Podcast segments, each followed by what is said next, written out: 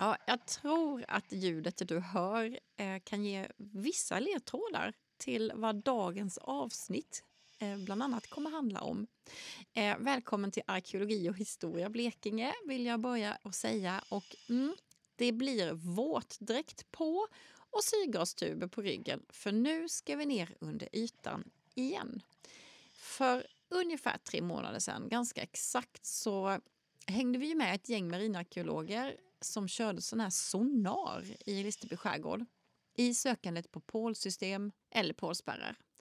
Eh, det avsnittet det hittar du som inte har hört det lite längre ner i listan här och det heter då Pålspärrar i Blekinge, eh, nytt marinarkeologiskt forskningsprojekt.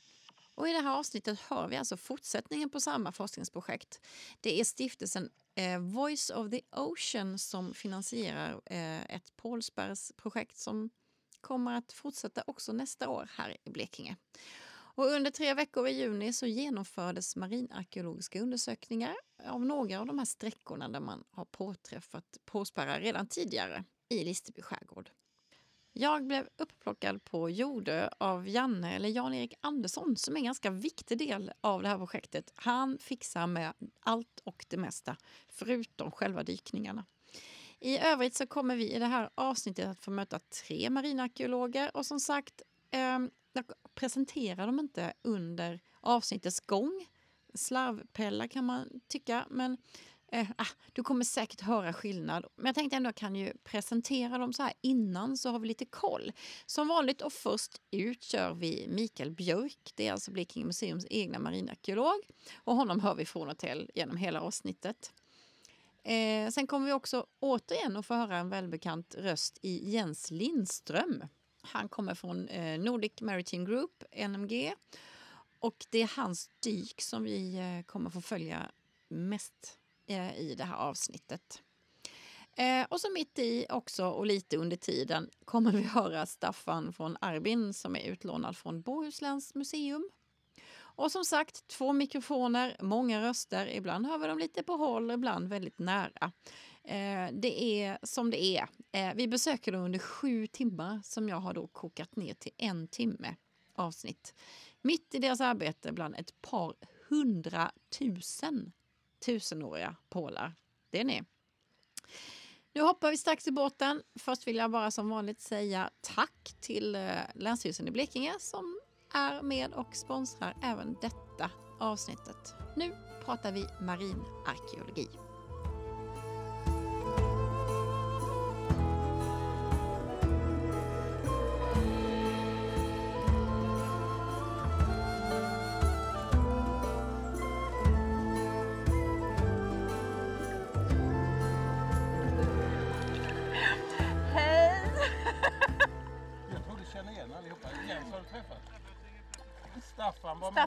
Har jag har faktiskt bara träffat honom på, på nätet. tänkte jag säga. På nätet? Ja, alltså ni har... Det var du ja! Det är Tinder, ja precis. Det är där vi möts. Ja. Jag hjälpa till att hålla emot där Ja, men jag lite. gör så. Jag har så starka. Så, Så. Oj, jävlar! Så. Hej, välkommen Hej. ombord. Hej, tjena Lina. Hej. Så. Läget? Eh, bra. Ja. Hej. Hej. Tjena. Tjena. Vill du ha en kaffe, Lev? På samma veva. Ja, tack. Bulle, och bulle också. Bulle. Ja, här är det fest. Ja, men då siktar på nästa sommar. Igen. Igen, ja.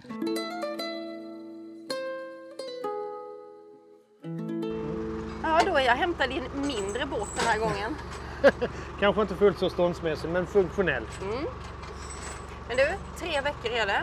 Ja, Och nu är det bara imorgon kvar eller? idag och imorgon kvar. Fast imorgon kommer vi nog inte att dyka utan då kommer vi samla ihop allting, hålla på med pappersjobb, såga dendroprov. Lite, lite beroende på vad som kommer fram idag. Ja. Och, och eh, vi, har, vi har hållit på med fyra olika pålanläggningar nu Mm. under de här veckornas tid. Det tar längre tid än vad jag hade beräknat. Men eh, det, det är första gången man gör något sånt här. Vi var ju ute i eh, april.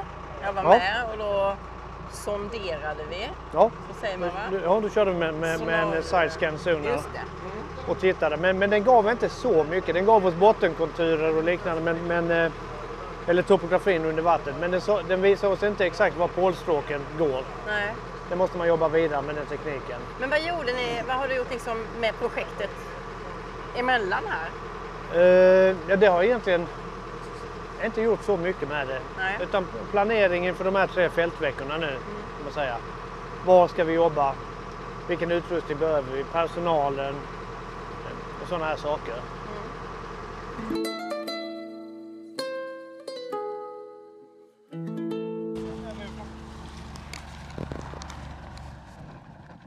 Nu får ni bara säga till så att inte jag står i vägen. Ingen fara. Upp. Vem dyker först av er? Jag. Om du flyttar dig lite där Lena. Yes. Staffan, hur var det här? Var det lätt att följa dem eller? Var det? Var det lätt att följa? Ja, men de började bli synliga igen. Kollarna här. Ja. Jag bara tänkte så jag har det här igång lite. Mm. Vad, eh, vad, vad, vad händer? Vad gör Vad du nu? händer? Vi ska, ner, vi ska ner och fortsätta att dyka och följa en av de här polspärrarna. Eh, och vi är ungefär 180 meter från land. Enligt uppgift så är den osynlig närmast land. Men eh, vi har ju lärt oss nu att de ligger, pålarna finns men de är under botten. Så vi måste ner och känna i botten. Gegga runt lite. Ja, mycket gegga. Blir, så mycket gegga så att man blir nöjd. Ja. Men vad är det du första du gör när du kommer ner nu? Jag kommer gå ner och så kommer jag sätta ett eh, ugglespjut i botten som är armeringsjärn. Och så i, på den så sitter en linrulle och den linan är ungefär 150 meter lång. Och sen har vi en kompassriktning så vi vet ungefär vilken riktning som spärren går. Och så simmar jag ut 5-10 meter och så gör jag som en liten sektor, ett svep och letar efter pålar. Ser jag inga pålar så får man ner och känna med handen i dyn. Och hittar man en påle då har vi ett system här så att man rycker. Jag har ju en boj på mig hela tiden. Då rycker jag två gånger. Då kommer Janne med en, en röd boj. Ja, han Ja, i den lilla gummibåten Ja. när jag blev hämtad. Ja. Men hittar man ett, eh, en påle som är grov som passar bra för dendrokronologi. Då gör man ett långt ryck. Då drar man ner bojen en gång. Och då förstår Janne oftast att, att man ska ha en gul boj. Oftast. Oftast. Ja, så, så då slipper man gå upp till ytan varje gång och, och prata och säga att man vill ha en boj. Och, och så kör vi på så och det, det funkar rätt bra nu. Du är påklädd. Hopp i. Ja, det Ja, Spännande. Så jäkla kul detta.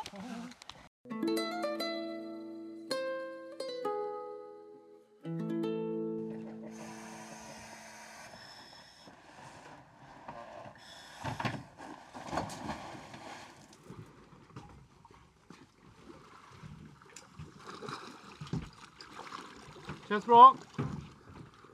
Så. Nu är vi igång igen. Så tanken är nu därifrån in till, till uh, Helgö. Mm. För att här, här har man inte påträffat någon polkonstruktion tidigare. Och kommer man in i ett stim och hittar många pålar. Nu, nu, vi, vi sätter på, oj förlåt, så, så kör vi lite här samtidigt. Så. Jo, om man kommer in i stim, hittar många pålar, då, då försöker vi märka upp dem var tionde, var femtonde meter. Det, det finns ingen anledning att märka upp varje påle utan bara vi får riktningen på den. Ja, just det. Och, och sen får man då estimera bredden. Hej, Janne! Boy! Bojen gick ner Boj. en gång. Två gånger, eller hur blir Ja, det? ja, då, då är det en... Är det en gul där så är det jättebra för att här... här Oj, vi, vad många. Den är... Spännbandet, ja, var är det någonstans? Eh, kolla i den vänstra. Jag tror den hade... Vad, vad, vad betyder de nu? När han nu, för nu dog Är den länge nere, då vill han ha en gulboj och det betyder att där ska vi såga dendroprov. Ja, Han sa och jag bara lyssnat. Ja. Wow, vad coolt. Ja, och Direkt. det, det är det vi vill ha, dendroprov. För dateringen är det viktigaste med hela detta projektet. Mm. Att kunna sätta in det. Och nu knackar Janne, signalerar han till Jens att nu är bojen nere. Så nu kan du ta den. Så att ju fler gula ju bättre är det. Ja. Spännande detta är. Och funkar det inte med, med dendroprov, om det är förklenat, det är inte tillräckligt många årsringar, så kan vi ju ta prov för C14. Då får vi en, en, en mycket bredare datering. Alla de här spärrarna, de är dat- eller alla är inte. De, de delar av spärrarna som är daterade, det är gjort med C14. Ja. Och då står det i rapporten, ja det dateras till sen vikingatid, tidig medeltid. Och, och det säger oss inte, då pratar vi om 900 till, ja, ja. Och det spannet kan, då kan vi inte sätta in spärren i dess korrekta eh, kontext. Nej. Nu när det är så, platt vatten så kan man verkligen följa dykaren och se precis var han är. Det är jättekul. Vilket jäkla väder ni har. Ja, vi har tur. Helt Vi hade i alla fall tur med vädret. Ja. Sen är det, det är Inte, egentligen att föredra att det är lite Lite- grå, gråväder. lite gråväder, det Ja, förstår jag. Mm. Ser man bättre också när det är... Eller? Ja, s- det är bra när det är ljust naturligtvis men, men eh, just att det blir ganska så plågsamt att Mm. Ja. dyka. Staffan är ju räddningsdykare nu. Men när vi dyker, när vi jobbar, ska man ju alltid vara tre stycken. Dykaren som gör jobbet, en rä- räddningsdykare som direkt kan hoppa i om det behövs. Och sen en dykarledare som, som organiserar upp allting, sköter protokoll etc. Sen har vi ju då extra, har med Janne i en, i en båt också. Och det är, det är ju en enorm trygghet. Och nu är det inte så djupt här, det är 2-3 meter. Och då funkar det. Skulle Jens få problem, då kommer Staffan snabbt, han har all sin upp, utrustning uppgearad, kommer snabbt i och kan hjälpa om det Och behövs. mycket går att lösa bara med snorkling. Liksom. Ja, och skulle han få problem då kan hoppa Janne där. Det är 18-19 grader i vattnet här så det är... Nej. Men hade det varit 20 meter här, då hade det varit en helt annan sak. Mm, Då, ja, hade, då hade det. han fått dyka med, med lina till ytan, helst kommunikation också. Mm. Eh, och då skulle Staffan i varje, i vilket fall som helst ha all sin Allting utrustning på sig. Men Ja, det. eftersom det är så jävla varmt idag så har han utrustning. det är större risk för re- reservdykaren att han Ja. ska ta, tuppa av. Ja. Ja, Sitter man med utrustning på här i värmen då svettas man. Det, det blir inget bra alls. nej. Sen har ni, jag, är också, jag kan ju också dyka. Mm. Jag är duktig på det. Alltså, Ja, ja, jag har ja. bikini ja du, med du mig. också. Det Ja, går snabbare för mig att komma i bikini. Men... Det är bra, det är bra. Ja, ja.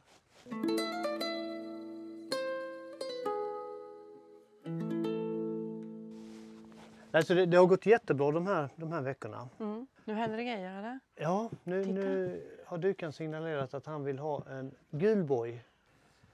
Men hur stort område är det vi, vi jobbar på här nu? Det, Alltså, i, år. I år jobbar vi då i Listerby skärgård Mm. och här finns ju ett antal olika pålkonstruktioner. Man ska inte säga pålspärrar för det vet vi inte riktigt än.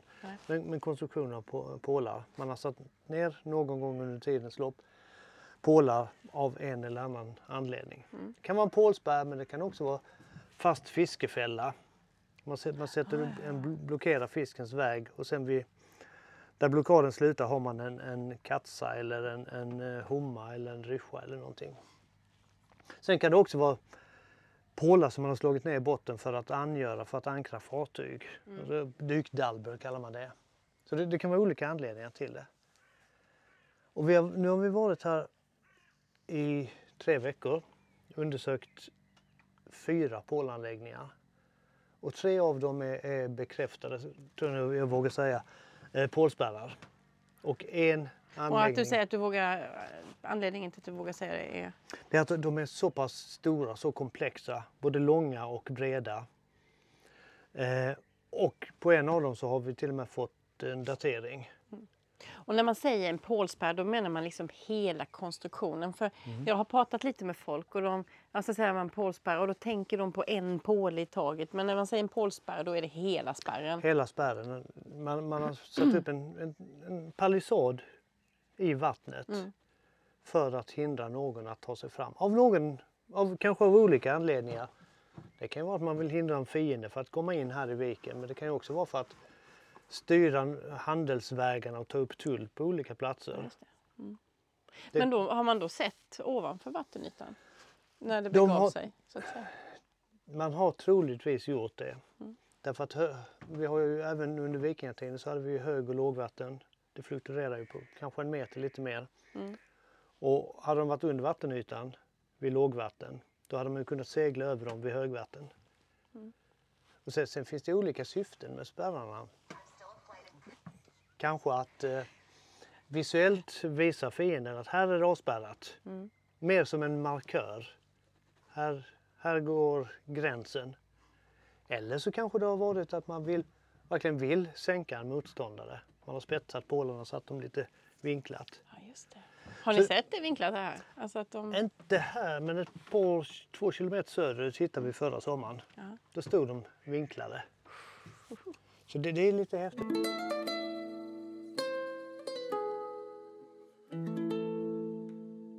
Men, men det finns alltså, tror vi, olika sorters pålspärrar. Mm. Det, och det vi har hittat här nu det är ju en pålspärr som, som är rätt så smal, ett par meter bara.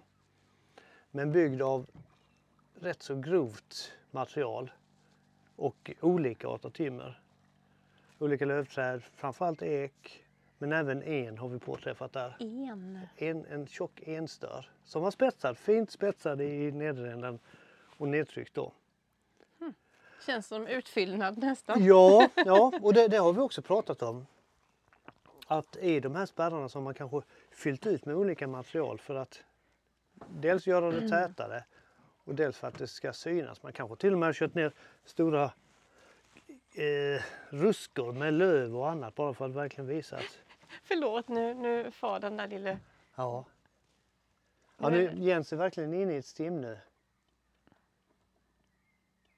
Nu ryckte han i, i bojen och då vill han ha ner en röd boj vilket markerar att detta är riktningen av pålspärren. Ja, ja, ja. Men det är för att det är så pass långt. Det är så mycket så att...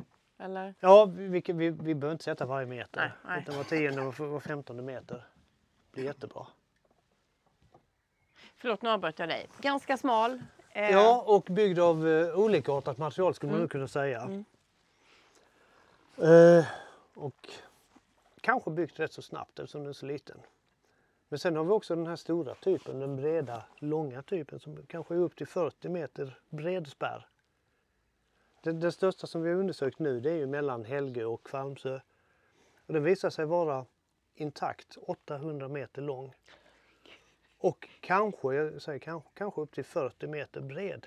Men 40 meter det måste ju betyda att det har varit jättestora En på, riktig, som, som liksom ska ja, sakta bromsas in då. och då kan man ju tänka sig att har det kommit någon här och velat köra in i den så har de kanske kommit en bit men sen blir stående. Till slut, För att det- där och är då det an- sitter man där sen. Ja, ganska- där är det antalet pålar som, som stoppar den, inte att de är jättestora och jätte- jättegrova. Nej. Eh, Men, men det finns ju olika teorier, vi har precis börjat med det här. Ja.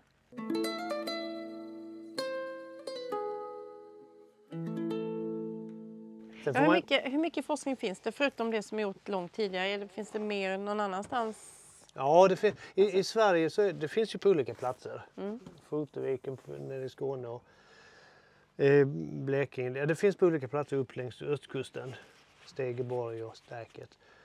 Eh, men det är, inte, det är inte mycket forskning som är gjort. I Danmark har man rätt så många, jag tror det är en 30-tal som man har hittat hittills. Men det är inte heller beforskat riktigt eh, noggrant. Inte, de, inte de senaste åren i alla fall med den teknik vi har idag. Med, med olika sorters sonarer, med den dykutrustning vi har. Med eh, ROV, med eh, drönare, med allting. Eh, GIS och GPS-positionering. Det är det, det som vi jobbar här med nu. Nu, nu sätter vi ut bojar, vi, vi kan få en exakt riktning var pålspärren har gått. Och sen plåt, fotograferar vi det uppifrån.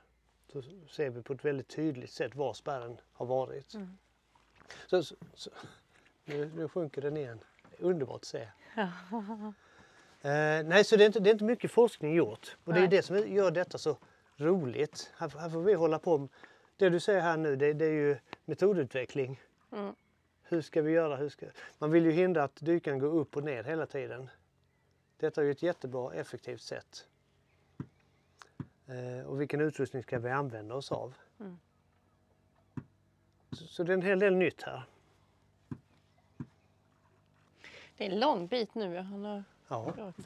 Ja, redan nu. Och du får tänka också att den kommer. så Den här spärren, om vi kommer ända i land så kommer den att vara 550 meter lång. Så den går... Mellan den har alltså, Där Ja. och där då. och då har vi ju inloppet från havet, Djupa sund där. Då har man spärrat av allting här på ett väldigt effektivt sätt. Och då kan man ju tänka sig att här, där har vi Helge och där har vi Torke. Finns det ett sund däremellan? Har man velat styra trafiken dit eller finns där också någon typ av, av anläggning som inte är påträffad än?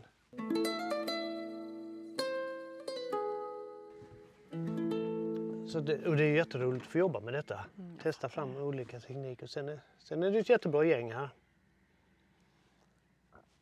Som inte gör det sämre. Men att Pålspärrarna, man har känt till dem sedan sen, eh, 60-talet i alla fall. Från början så påträffades ju de här av eh, fiske, lokala fiskare som var ute och hottade ål med ljuster och fastnade ibland i pålarna. Och sen anmäldes det då till, till eh, Länsstyrelsen. Och så var då framförallt Ingemar Atteman ute 1966-74. Mm, det var då de var i Hallrumsviken Ja. också va? För det har, man ju, det har Ja. jag läst mycket om. Eller mycket. Men, Det, mm. det finns ju på, på vad ska man säga, tre kluster med påspärrar påträffat. Listeby, Lyckebåen och sen ut, Hallrumsviken och söder om där. Eh, men Atteman var, sen var ju eh, Fredrik Svanberg här 1995 Just det. och eh, dök en del här också. Men det, det är egentligen det som är gjort på de här spärrarna. De är ju inte daterade med dendrokronologi utan det är ju bara C14. då. Detta projektet går ju ut på, på dateringen. Mm. Och skillnaden då mot att ha haft ett eh, längre spann innan mot att vi nu kan dra ner åren Mm. lite. Vad är fördelen där? Ja, om, om exempelvis eh, Tvärgöl, Kvarmsö.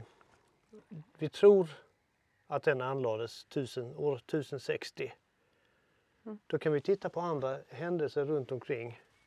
Bo- Både lokalt, nationellt men kanske också internationellt. Vad var det som hände då? Vad, vilka rörelser skedde? Eh, Vilka händelser skedde? Har det med kristnandet att göra? Har det med försvenskning eller fördanskning att göra? försöka förstå det utifrån en, större kontext. Och eh, det är det som gör det så spännande. Vi vet att det finns gigantiska konstruktioner Ja. men vi vet ingenting om dem. Nej. Den här spär- spärren kanske består av mellan 50 och 70 000 pålar. Kanske. Jag bara höftar. Mm. Men det, i vilket fall som helst så, så är det ju en enorm arbetsinsats. Ja, Någon måste ha styrt det här. Någon måste ha betalat det. Det måste ha funnits någon väldigt, väldigt stor anledning till att man lägger ner så mycket tid Mm. och pengar, arbetsinsats på det. Vem var den här människan? Var det någon liten lokal hövding eller var det ännu högre upp? Så, så, frågeställningen är ju många. Så fridfullt. Ja. Vad skönt, vilken dag. Glöm nu inte dricka, det finns vatten längre framme. Just det, jag har med mig också Ja. lite vatten. Det är viktigt en sån här dag. Han har jobbat på bra. Jag tänkte på det du sa om, om eh, arbetsinsatsen. Alltså, det finns ju inga jämst, likvärdiga stora vikingatida byggnadsverk bevarade. Alltså det, är, Nej. det är ju Nej, första byggnaderna vi känner till, eller byggnadsverken vi känner till. ja det är det faktiskt. Och det är otroligt. det är häftigt. Ja. Och att de, de är här under våra fötter. Nej, det, det, är, det är ju ytterligare en aspekt som gör det så fantastiskt.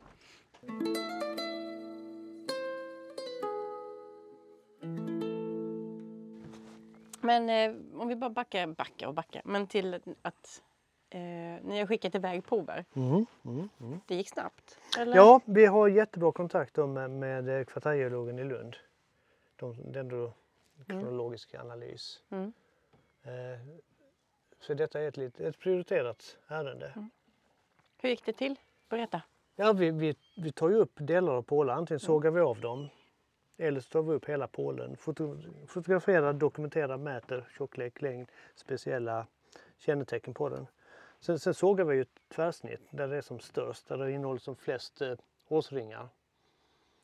Och sen gör man då en, en analys på det. Man tittar på årsringarna och har vad man säga, ett väldigt stort referensmaterial, kan jämföra och på så sätt eh, se hur gammalt trädet var när det, när det föddes. Om, om man har den yttersta veden och gärna barken också, då kan man få trädets dödsögonblick när det sågades ner.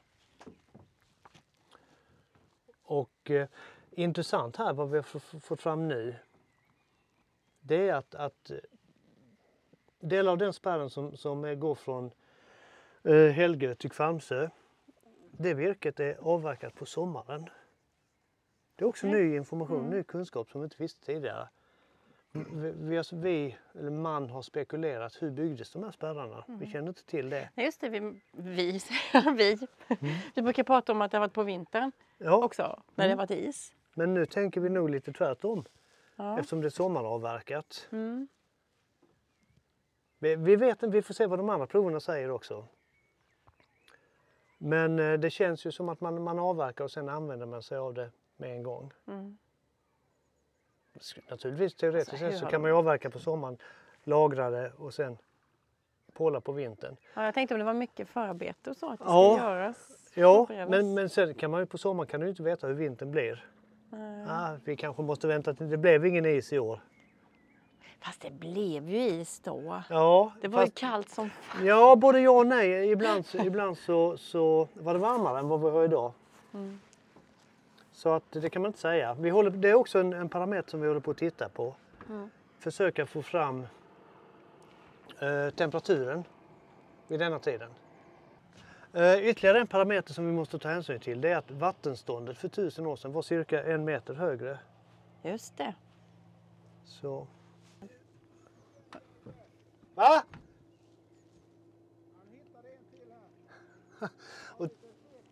Titta här, så Det var vilken, lite vilken, segt här ett tag. vilken vacker, vacker rad. Vi är så väldigt nördiga. En vacker rad på hålen. Ja, det är häftigt. Nu skulle jag vilja ha en gul till Jens. Skärp dig nu för fan.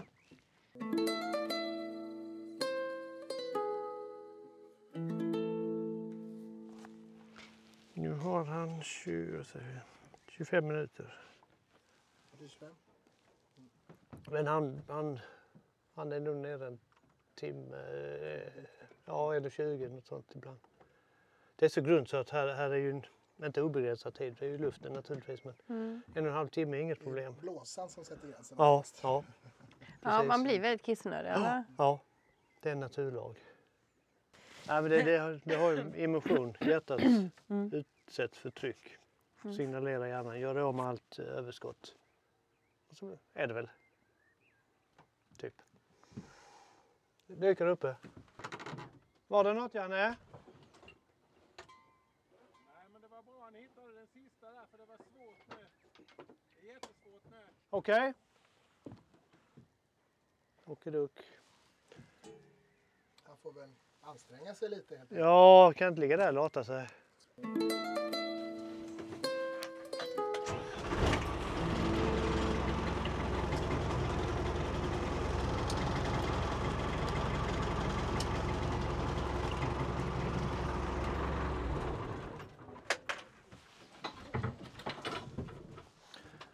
Ser ju tydligt linjen här. Ja, shit. Så, att, så nu kör han undervattensskoter. Därför att den använder vi Mm. när vi ska göra rent nere där pålarna går ner i botten. Mm. Fäster skotern och sen låter man propellern rensa rent. Så han kommer köra hit nu, fästa skotern i de här två pålarna, en, en i taget. Blåsa rent runt pålen och sen såga av. Wow. Så får vi upp ett Och sen gör vi som vi brukar då. Jag tar en kik och så bestämmer jag vad det är för år. Ja, det låter jättebra. Men härifrån har ni inga, det är inte från denna ni har några? Vi har ingen datering på datering detta. här. Nej, det har inte gått iväg än. Nej.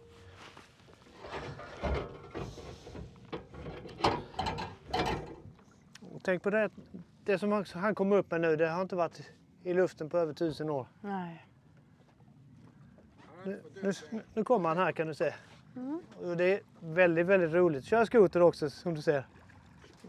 Nej, men nu kan jag ta den här jävla bullen medan alla andra jobbar. Ja, det är väl bra. Nu kom det en liten en liten sommar, sommargäst tänkte jag säga. Ja. En båt farande här. Och ni direkt får upp och börjar vinka. Och... Ja, vi, vi jobbar ju mitt, det är ju mitt under sommarsäsong, här, båtsäsong, så det, är- det är en hel del båttrafik. Men, och det, det är lite skrämmande, det är väldigt få som verkar veta vad den här signalflagga A betyder som vi har. Att- Beskriv den. Hur... Den är vit och blå eh, och den betyder då att vi har dykare nere och att då ska man alltså hålla avstånd, ordentligt avstånd och gå med sakta fart. Men eh, det är långt ifrån alla som, som eh, begriper det, tyvärr. Så därför får vi ibland vifta lite och peka och vi har även en, mistlur, ett signalhorn med oss som vi kan tuta med om det blir, vill sig riktigt illa. Är det, är det, alltså, när de inte fattar, vad gör de då? Ja, nej men eh, ibland har det ju varit båtar som har varit på väg alltså, i, i princip mot oss när vi har dykare nere alldeles vid båten. Och, eh, och då gäller det att få stopp på dem förstås. Eh, Men om man ser en sån där Ja, eh, flagga, vad, vad ska man göra då? som sagt man ska, man ska hålla, ordentligt, hålla ut ordentligt, hålla ordentligt avstånd. 100-150 meter om det är möjligt och sen så sakta ner på, på farten också. För även, om man, eh, även om man är en bra bit ifrån dykaren och så, så är det ju så att eh, man skapar ju svall och svallvågor som, som kan ställa till det för dykbåten. Och dykaren kanske står på väg upp och står på dykstegen och om det då blir st- stora vågor så kan ju det ställa till det. Men de var duktiga, de som passerade här nu. Ja, Men, e- eh, efter lite... Efter lite flaggor. Ja, de, de, hade inte, de såg inte flaggan direkt, nej, men de, de gjorde precis som de skulle när de väl noterade. Ja. Så de fick godkänt.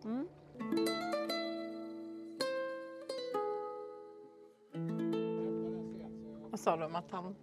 Han satsar nog på att och, och blåsa rent runt pålen och försöka få upp pålen intakt i hela sin längd. Eh, han använder den här Ja undervattensskotern. just det, Ja. blåsa rent säger du. Berätta. Ja, jo, men en undervattensskoter är ju, det är ju en- egentligen en, ett, ett transportmedel som man kan använda sig av som dykare. Men man kan också vända på, på skotern eh, och, och rikta den här jetströmmen ner mot sedimentet. Och då, då, då friläggs, eh, eller då, då blir det en grop istället. Så det är perfekt att, gräva rent runt de här pålarna för att komma åt och ta bättre prover. Och ibland så, om pålarna inte sitter så hårt så kan man faktiskt till och med få upp hela pålarna. Då. Spännande. Och helst, allra helst vill vi ju eh, få upp hela pålar för då kan vi också få kunskap om eh, Sågar vi bara ett, ett, ett, ett, ett tvärsnitt, ett, ett prov, så, så får vi ju då får vi inte veta hur, hur timret kanske är bearbetat, om det, om det är spetsat i änden och sådär. Så att, eh, är det möjligt så försöker vi ta upp eh, hela pålar. Då. Men hur stor är den? Är den lika stor i botten nu som den var då? Eller har de den liksom... Nej, alltså den delen av pålen som står nere i sedimenten den är ju intakt, eh, har sin intakta, sina intakta dimensioner. Utan däremot det som har stuckit upp ovanför bottenytan det är ju oftast väldigt kraftigt eroderad. Oftast är det liksom bara kärn, kärnvirket som finns kvar så att det är liksom en, en tydlig spets som sticker upp då över, över botten. Så att, eh, diametern ovanför botten kanske är några få centimeter men sen kommer man ner så är det kanske en 15 centimeter. Så det är helt otroligt hur de kunde få ner dem. Man kan inte fatta det. Nej, det där har inte riktigt, kan vi inte riktigt eh, begripa. Hur, för det är ju som sagt det är ju stora byggnadsföretag det här. Och det är klart att de, det, det är inte så att de har stått och bankat för hand utan förmodligen har de ju haft någon, någon, någon slags enkel pålkran där man hissat upp ett stort stenblock eller någonting och, och för att banka ner de här. Det, jag kan inte tänka mig att man kan ha gjort på så många andra sätt. Samtidigt som det är bra för handeln så är det ju lättdonet. Liksom. Nej, vi är påhittiga vi människor. Det Ja. har alltid varit. Men det tar ju längre tid än man tror det här alltså. Ja. Verkligen. Men det som vi diskuterade Micke också, det här är ju också intressant ur liksom miljöhistoriskt, miljöarkeologiskt perspektiv. För det här berättar ju om vilka träslag som fanns här och, och på öarna. För det här är säkert lokalt avverkat virke som inte har fraktats någon längre sträcka. Utan det, Jaha, Fick ni något svar på det? på Nej, de här? inte fått den, inte proveniensen. Nej, just det. Utan jag bara jag- åren. Väldigt snabbt bara. Mm, mm. Ja, det hade ju varit väldigt anmärkningsvärt om proveniensen var någon helt annanstans. Polen, ja, södra Polen. Polen. Södra Polen. Ja. Mm, nej, det tror vi väl inte riktigt på. Nej, men det, det, det, det, blir, det finns ju så många olika forskningsområden inom detta. Mm. Social organis- organisation, hur, hur, hur bar man sig åt? Är det liksom, man får förmoda att det är liksom ofri arbetskraft, trälar som har fått jobba med de här. Eh, det är också spännande att fundera kring. Och det går ju också att göra, får man en uppfattning, om vi nu kan kartlägga sträckningen och bredden och, göra en uppskattning av antal pålar så kan man ju också göra ett överslag på, på antal dagsverken som har krävts för att, för att bygga det här då. Mm. Eh, Det finns beräkningsmodeller för det som man kan använda sig av och då, det säger ju också någonting om Och det vi har pratat mycket om det är ju att anledning, eller en av anledningarna till att de finns här det är ju Götahammars gravfält och att där var eventuellt en handelsplats med bosättningar. någon form av central plats, centralbyggd. Ja. Men det kan ju finnas flera andra platser här inne som vi inte känner till idag egentligen. Mm. Ja, de här spärrarna kan ge lite riktning. Ja. Eh, blicken söker sig.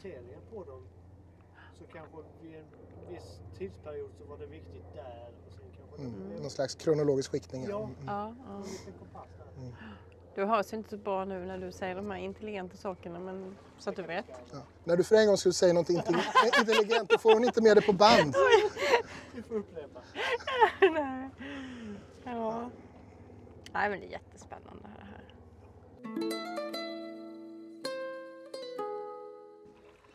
Och nu har varit nere med, med en eh, undervattensskoter och kört med den så att det blir rent runt de här pålarna. Och Ja. det visar sig att han har kört nu så, så var det tre stycken radialkluvna ekstockar.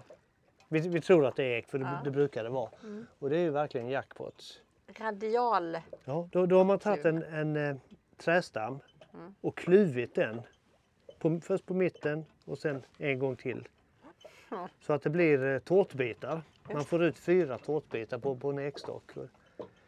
Det Men det var- måste vara supereka då? Nej, det, behöver- det kan vara så här stort. Mm. Och, så, och då blir biten Ja. en, ja, 15, c- 10, Alla 15 ser ja, precis precis. 15 centimeter kanske i, i, Ja. i grovlek. Ja. Något sånt.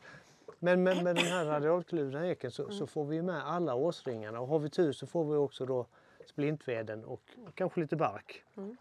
Vilket då visar trädets fällningsår om vi har tur. Och Så det, det- man önskar nu att det är...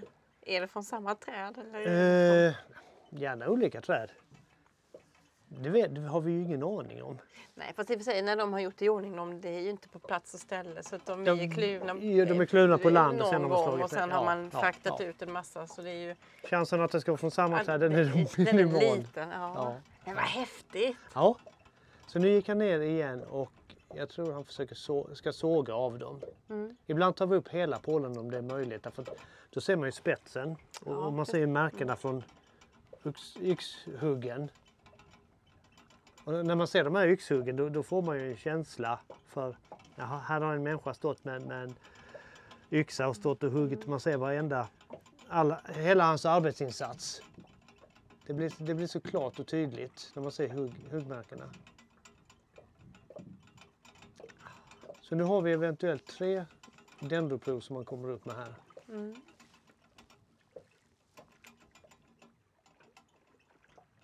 Ja, han lät eh, glad och pepp. Ja, ja, ja, ja. Hur länge har han varit nere nu? I... Nu har han varit nere i en timme. Precis. En timme. Ja.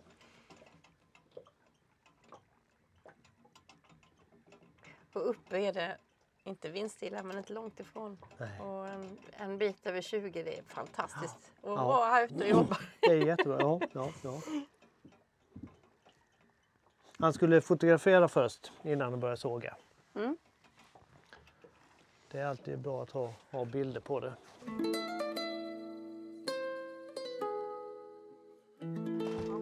Han bryter där, det är mer Just det. såga så att han kommer upp. Välkommen upp! Ja, tack så mycket. Du har varit där nere över en timme. Ja, Vad såg du? ja först, först i början här så såg jag faktiskt att det stack upp lite pålar. Stack upp kanske 5-10 centimeter. Mm. Och så såg jag på en gång att de var trekantiga. De ser nästan ut som små pyramider. Och då, då, då vet man att då är det kluvor, alltså kluvna e- ekstammar. Så de har fått ut, från en ekstam så kan det kanske få ut fyra pålar. Mm. Och det är ju väldigt bra för oss som ska datera för då kan man ha en ganska liten bit men ändå ha mycket årsringar. Ja, just det. För de här klör man från kärnan och ut. Så Mm. då en påle som är bara rund, naturligt växt, då har man ju bara hälften så många årsringar. Mm. För den har liksom två, den, den är komplett. Så att, eh, Ursäkta, eh, när han tar på sig nu så kan, kan inte du kan, kan inte han få komma in först? Han får jättegärna ja, komma i först. Det är bara jag som är så himla...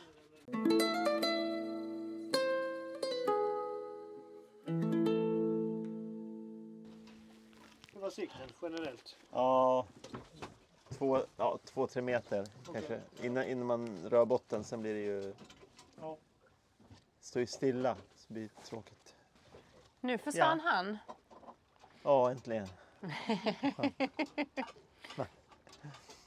Nej, men det är, man, vi man får in rutin efter några, några dagar. Eller, Mm. Så det flyter på väldigt bra så, när man väl hittar metod. Men först var det när, vi, när pålarna tog slut. Och var så här, jaha, hur ska vi nu? Och då insåg vi att vi fick liksom börja känna oss fram. Ja, just det. Och den här spärren som går därifrån till dit, Ja. där var kanske ja, 60 procent av den var, fick vi bara känna oss fram. Där var det helt osynligt ovanför botten. Och då, då, det, det gick inte ens att se när, när, vi, när, vi, när vi körde med här sonar nej, på det. nej. Utan Det, det, var, är, bara, det är bara sjögräs. Först är botten, mjuk dyrbotten och sen kan det vara ungefär så här mycket sjögräs på. Mm, mm. Som man liksom var tvungen att gå igenom och man ser ju ingenting. Man blir helt... Finns det något kaffe? Men vad, eh, vad gör han nu? Du, du har ju varit nere. Jag tänkte vi skulle prata lite om dig sen. Mm. Men vad är det? Vad... Staffan? Staffan? Mm. Mm. Jo, så han ska ju fortsätta. Den sista borgen som jag la där, det var den sista pålen som jag hittade. Ja, vi, för vi går, alltså de ligger nu i en rak, Det ganska ra- rak ja, linje mm. mot... Förmodligen så går, det, går spärren gått in mot stenarna där. Ja, och vad, he- vad heter ön? Den ön heter Hel- Helgö. Helgö. Mm. Så då, då vet ju vi att vilken sträckning, vi har en kompasskurs också, så vi vet vilken sträckning vi ska leta. Mm. Och så får man köra ut 10 meter och så kör man en sektor liksom med spänd lina. Just det. Och så får man liksom känna efter botten. Mm. Men nu fick han, då, nu skulle han muddra. Nu var han, Ja, han så, fick inte och- göra det roliga jobbet. Nej, så när han kommer hitta en, en påle, då kommer han rycka i bojen och så kommer Janne med en boj. Mm. Och så tar man ut 5-10 meter till och så fortsätter man så. Och hittar inte han någonting nu, om det, för det kan vara så att de ligger för djupt ner för att det var väldigt lösa sediment. Då ska han avbryta och så gå in och söka från land och utåt istället. Ja. Så bara så att man knyter ihop den. Att, Men har ni någonting där inne som ni vet? Eller? nej, Nej, nej, nej utan det är nytt. det, ja, just det, den, den biten här, härifrån där vi är nu och in, där har man inte hittat någon pålar innan. Nej, nej, nej. Inte, man- ens de, inte ens det här. Nej, jag tror inte det. Nej. För då har de mest bara besiktat det som syns Ja, ovanför just botten. Micke, jag hittade en till avsågad. Okej, Sån där som Staffan bärgade igår. Så det är ju spår av att de har varit här förr och sågat. Okej. Det ligger en del avsågade på där. Och vem? Oj, ja. Det var värst vad de ska ta den där. Mm. Här var det ingen rast och ingen ro. var det tutan då. Där. Ja, den gick Ja. långt.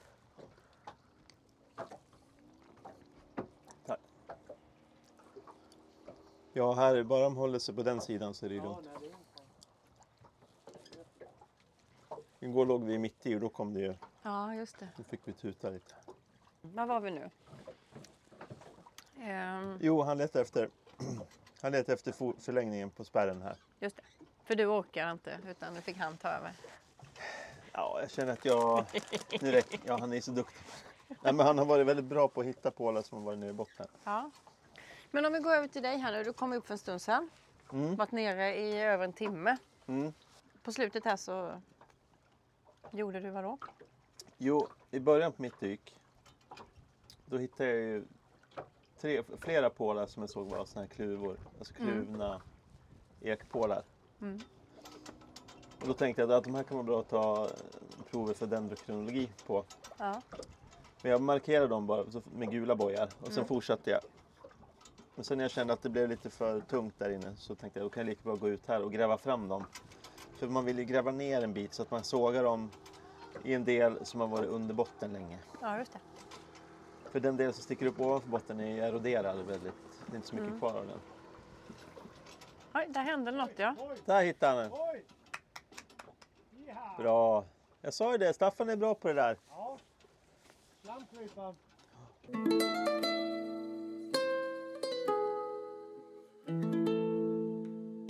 Jag vill kika lite. Micke, får jag kika på årsringarna på mitt prov? Får jag kika lite på provet här? Får du röra så bara med vanliga händer? Nej. Det Nej. är inget farligt. Jo. Ska vi se. Oh, då, då ser vi här. här vi har Det kärnan in här, precis. Så här har vi alla. Så har vi Jaha, märg. är det så det går? Det är så de går. Ja, ja, ja. Det här provet kan... Så det här betyder, det här är ett ganska stort träd. Frågan är då vad... Jäklar vad många ringar man ser nu. Ja, du ser det är en, man- om man räknar bara lite snabbt. En, två, tre. Det är minst 50 på det här. Det bästa är om kärnan är här. Så går årsringarna så. Och så har man ytveden där. Men eh, vi kommer ha prov som är... Men när man räknar de här nu. Mm. Nu, ser, nu är alla bara en färg. Men i vanliga fall så ser man så är det liksom en lite mörkare och en lite Ja. ljusare. Är det ett år om den är en mörk och en ljus? Ja, eller är det ja, men precis. Det är en sommar och en vinter. och en vinter? Så att den bredare av dem är ju sommar. Tillväxtperiod. är- och så Är, det, oj, är det två stycken här nu då som är ett år egentligen? Två? Ja, sen har du de här märg, det här är själva märgen i träet. mm. Det är inte årsringar. Nej. Det där kan man ju se fel på om man inte är van. Men här ser man just att det är så tätt. Det är otroligt tätt. Ja. Och sen också de där som står tre stycken här. Det det är Mm. möjligt att de kan komma sa- sätt samma träd också. Mm, fast det har vi redan diskuterat här. Att Okej. eftersom de tillverkades uppe på land och så har liksom, det har varit en viss, de har lyft hit och ja dit. så, att det är inte sannolikt så att det är samma. sannolikheten är ju... Ja, Och det hoppas man väl inte heller. Det var mycket, mycket bättre att få upp tre olika, eller ja. Men du har hört om dateringarna som vi fick på den här? Eller, hur? 1074. Det är för att jag vet att det är 900 år före mitt år. Ja, och det är mitt år också. Så jävla fint. 74. Och sen 1060. Mm, var det 1060 och 74? Ja. Eller? Mm. Och så i juni också. Du hörde det? Ja, just det. Det var på sommaren. Ja. Och det kan man väl se när sista ring, om det är tillväxtperiod, Mm. antar jag. Ja, det är häftigt ju. Ja, det ger något helt, något helt nytt. Ja, för, då, då, för vi har ju diskuterat om man har gjort de här på vintern på isen. Mm. Det kan man ju tycka skulle vara det enklaste, men, men förmodligen är de gjorda på sommaren. Men om de då har avverkat den, vad sa, vad sa du, juni? Juni, ja. Ni. Sen ska det liksom tas någonstans och det Mm, ska mm. fixas och man ska belagra på. Så Ja. man går väl inte ut och gör det jättejobbigt utan att man har ett lager. Precis. Så att det kanske är så att de ändå gick ut när den första isen kom. Det vet man Så, inte. nej, precis, det vet man ju inte. Sen, eh, men det är intressant om man kan säga att de byggs på försommar, eller när de nu byggs. Ja. Att man, ju- just det här, varför har man behövt det här skyddet? Mm. Och då har vi ju diskuterat det här. Det, var ju, det hände väldigt mycket på Östersjön under den perioden. Det var ganska oroligt. Mm. Det var ju, danskarna be- bedrev korståg till Baltikum, Mm. Estland och på den här tiden, för de, de var inte kristna där.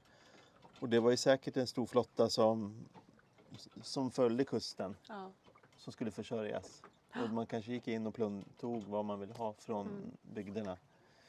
Och då, och då visste man det, nej fan förra året var de här och plundrade så att vi svalt. Nu måste vi göra någonting. Nu Mm, måste vi ha något skydd.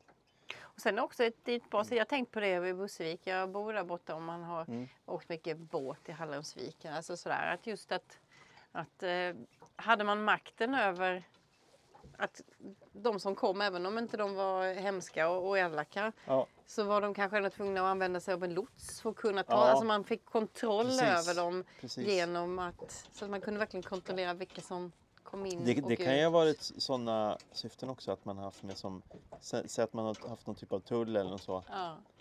Att all, all sjötrafik skulle ske genom ett visst sund så man kunde kontrollera vilka som skulle komma in i, i bygden. Mm. Det är inte heller otänkbart. Och då behöver det inte vara att det är krigiska Nej, nej, utan Faktorer bara bakom, att eller? eh, den som har makten är väl den som blir rik. Ja, Lite.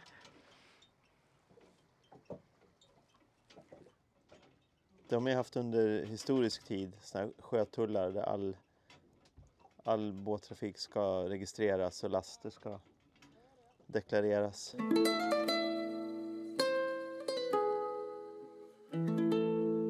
Är det ett ändå till? Ja, det ser ut som. Ja! Ja, det, ja, det kommer nog ett till där. Det kan vara bra. Det är just nu. Där också. Och då har han kommit till Kluvor nu då? Ja. Fantastiskt. Det är skitbra så nära. Det är, I'm so happy. Mm. Två gula där inne och titta på bredden. Ja.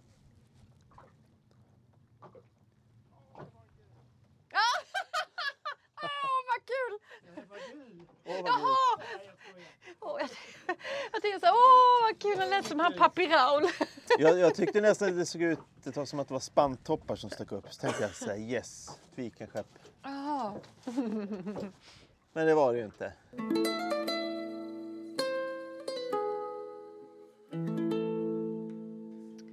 Och nu ser man ju där borta där han har varit det ganska brett alltså. Ja. Ja, nu är det ju stor spridning på dem. Då kan man ju fråga sig, är det en och, en och samma konstruktion eller är det olika faser? Mm. Om man har haft en sån här spärr som man kanske har haft i drift i 10-20 år så har man ju behövt bättra på den med jämna mellanrum. Ja.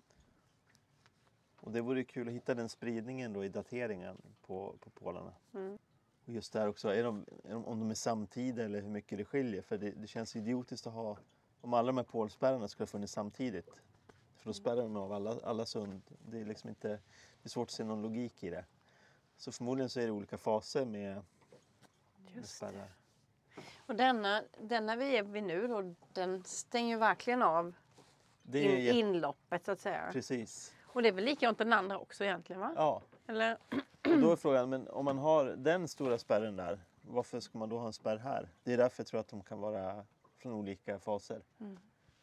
Eller så är det så att de behövde ha två sådana jättestora för att kunna stoppa de Ja. allra största. Ja, ja de kan, när de ju- kom i full spreta in här Ja. så...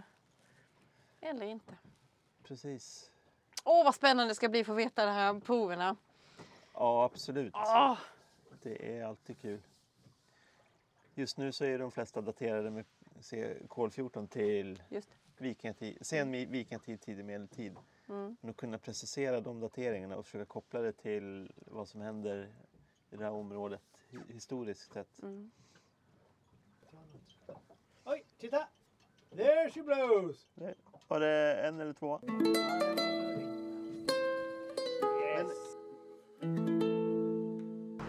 Så Micke, äntligen. Mm. Nu är jag på väg tillbaks till min bil, eller ni ska köra mig. Ja. En hel dag blev det på sjön. Det blev en hel dag, det var inte meningen först. Men, men eh, när man väl kom ut så, så är det jättekul. Ja. Vi ska dit. Jo, det blev en hel Ja. dag till sjöss. ja. Och, och vi har avs avslutat eh, Pålsbergen som, som går mellan Östanö och Helgö. Mm. Eh, och tidigare resultat har visat att det saknades 150 meter någonting i alla fall Mm. mellan Ja. Helgö och, och ut i spärren. Men Ja, vi har hittat pålar hela vägen. Hela, Hela vägen, vägen. in. Alltså, Ja. och då snackar vi 550 Mm. meter. Ett pålstråk som mellan tumme och pekfinger är 20, ja, mellan 10 och 20 meter brett. Så det är många, många, många tusen pålar här.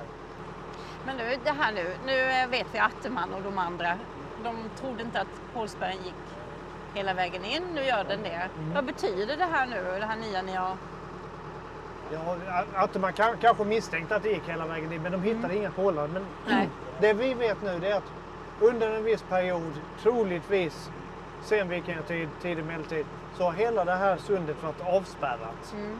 Om, om man skulle komma in via Djupa sund Ja, då har man fått svänga in och köra den lilla smala passagen eh, mellan fastlandet och eh, Torkö. Mm. Så man har, lyckats, man har styrt trafiken till en viss smal folla av olika anledningar. Om det är tull eller om det är eh, krigiska, försvarstekniska avsikter eller vad det nu är.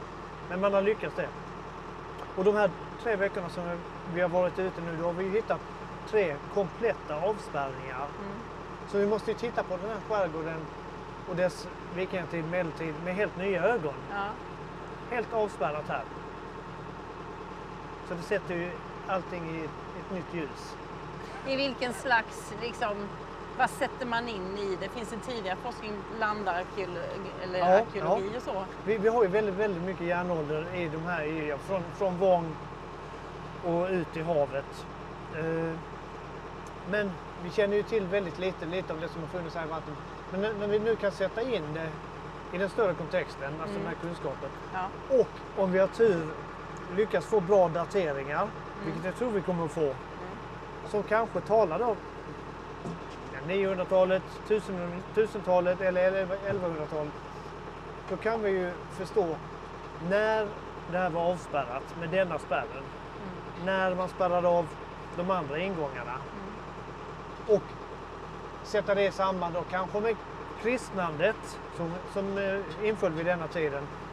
När Sverige blev svenskt, danskt. Vi kanske kan hitta någon, någon specifik händelse när det var vänderna var här och härjade eller, eller folk från Baltikum eller när den danske kungen hade korståg i, i Baltikum och åkte förbi här. Då- kom det stora flottor ute på havet. Man var ju tvungen att proviantera mat, kanske nytt manskap etc. Men- etc. Själva de här pålspärrarna, om du skulle måla upp dem, hur, hur, hur såg det ut då, tror du, när man gjorde dem? Alltså, såg man dem ovan vatten Mm. eller och liksom stod de bara som ett jätte... Ja, Alltså, min, min, det, vi, vet, vi vet väldigt lite om det men min tro, min tanke det är det att de stack upp ovanför vattnet så att de skulle synas. Mm. Eh, Rent tekniskt bör det ha varit så för vi har ju hög och lågvatten. Och när man kom, då kom seglande så ser man en fullkomlig palissad, Palissad, för- 30-40 meter bred på sina ställen. Upp till 800 meter långt som verkligen spärrade vägen. Och då var man ju tvungen att vända. Och hitta en annan väg. Det- Vad läskigt att segla in och veta. Ja. Det kanske bara var bitvis. De var väldigt synliga och så ibland var de inte synliga så visste man inte riktigt vad man skulle bli Nej, av. nej, nej. kanske var man lurades in liksom på att Ja. ta en viss väg där man...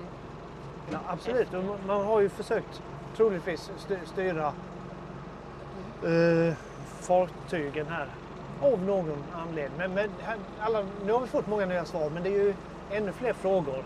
Vem var det, varför? Den här gigantiska arbetsinsatsen som har krävts för att bygga de här spärrarna.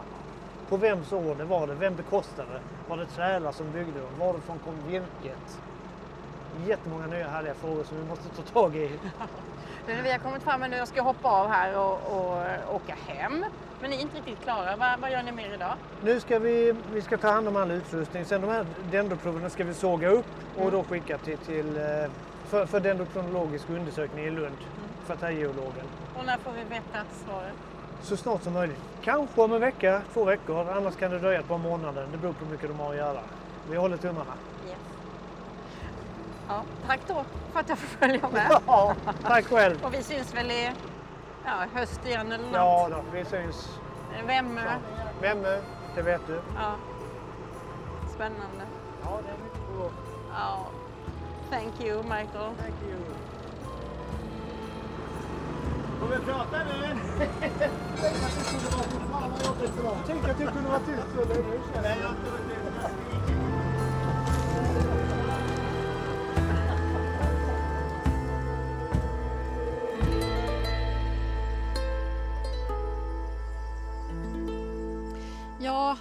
Det var ju bra att Jens Lindström kunde hålla tyst medan vi hörde marinarkeolog Mikael Björk sammanfatta årets insats av Påsbergsprojektet.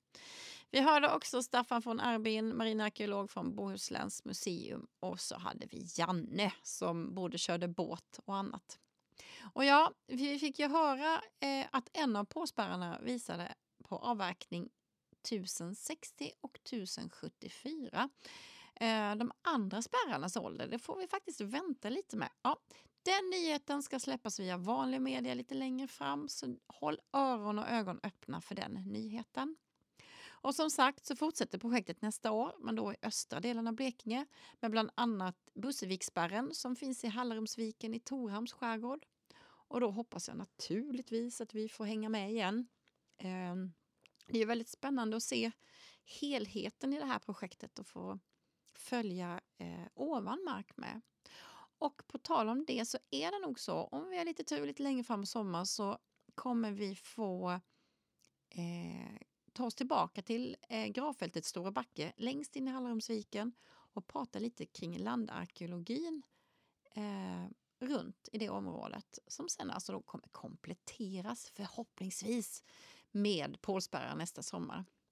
Eh, vi ska också i sommar besöka Kristianopel och så ska vi prata gravar och gravstenar och förhoppningsvis kanske det blir lite vång också. Men det blir eh, alltså längre fram i sensommar. Eh, ja, jag tackar Länsstyrelsen igen för att de är med eh, och, och eh, bidrar till att ni kan komma ut och höra mer om vårt kulturlandskap och våra kulturmiljöer. Eh, vill ni höra fler poddar så finns de där poddar finns. Överallt. Googla eller gå in på Spotify eller Podbean eller Poddtoppen eller så. Överallt. Så hörs vi snart igen. Tack för att du har lyssnat.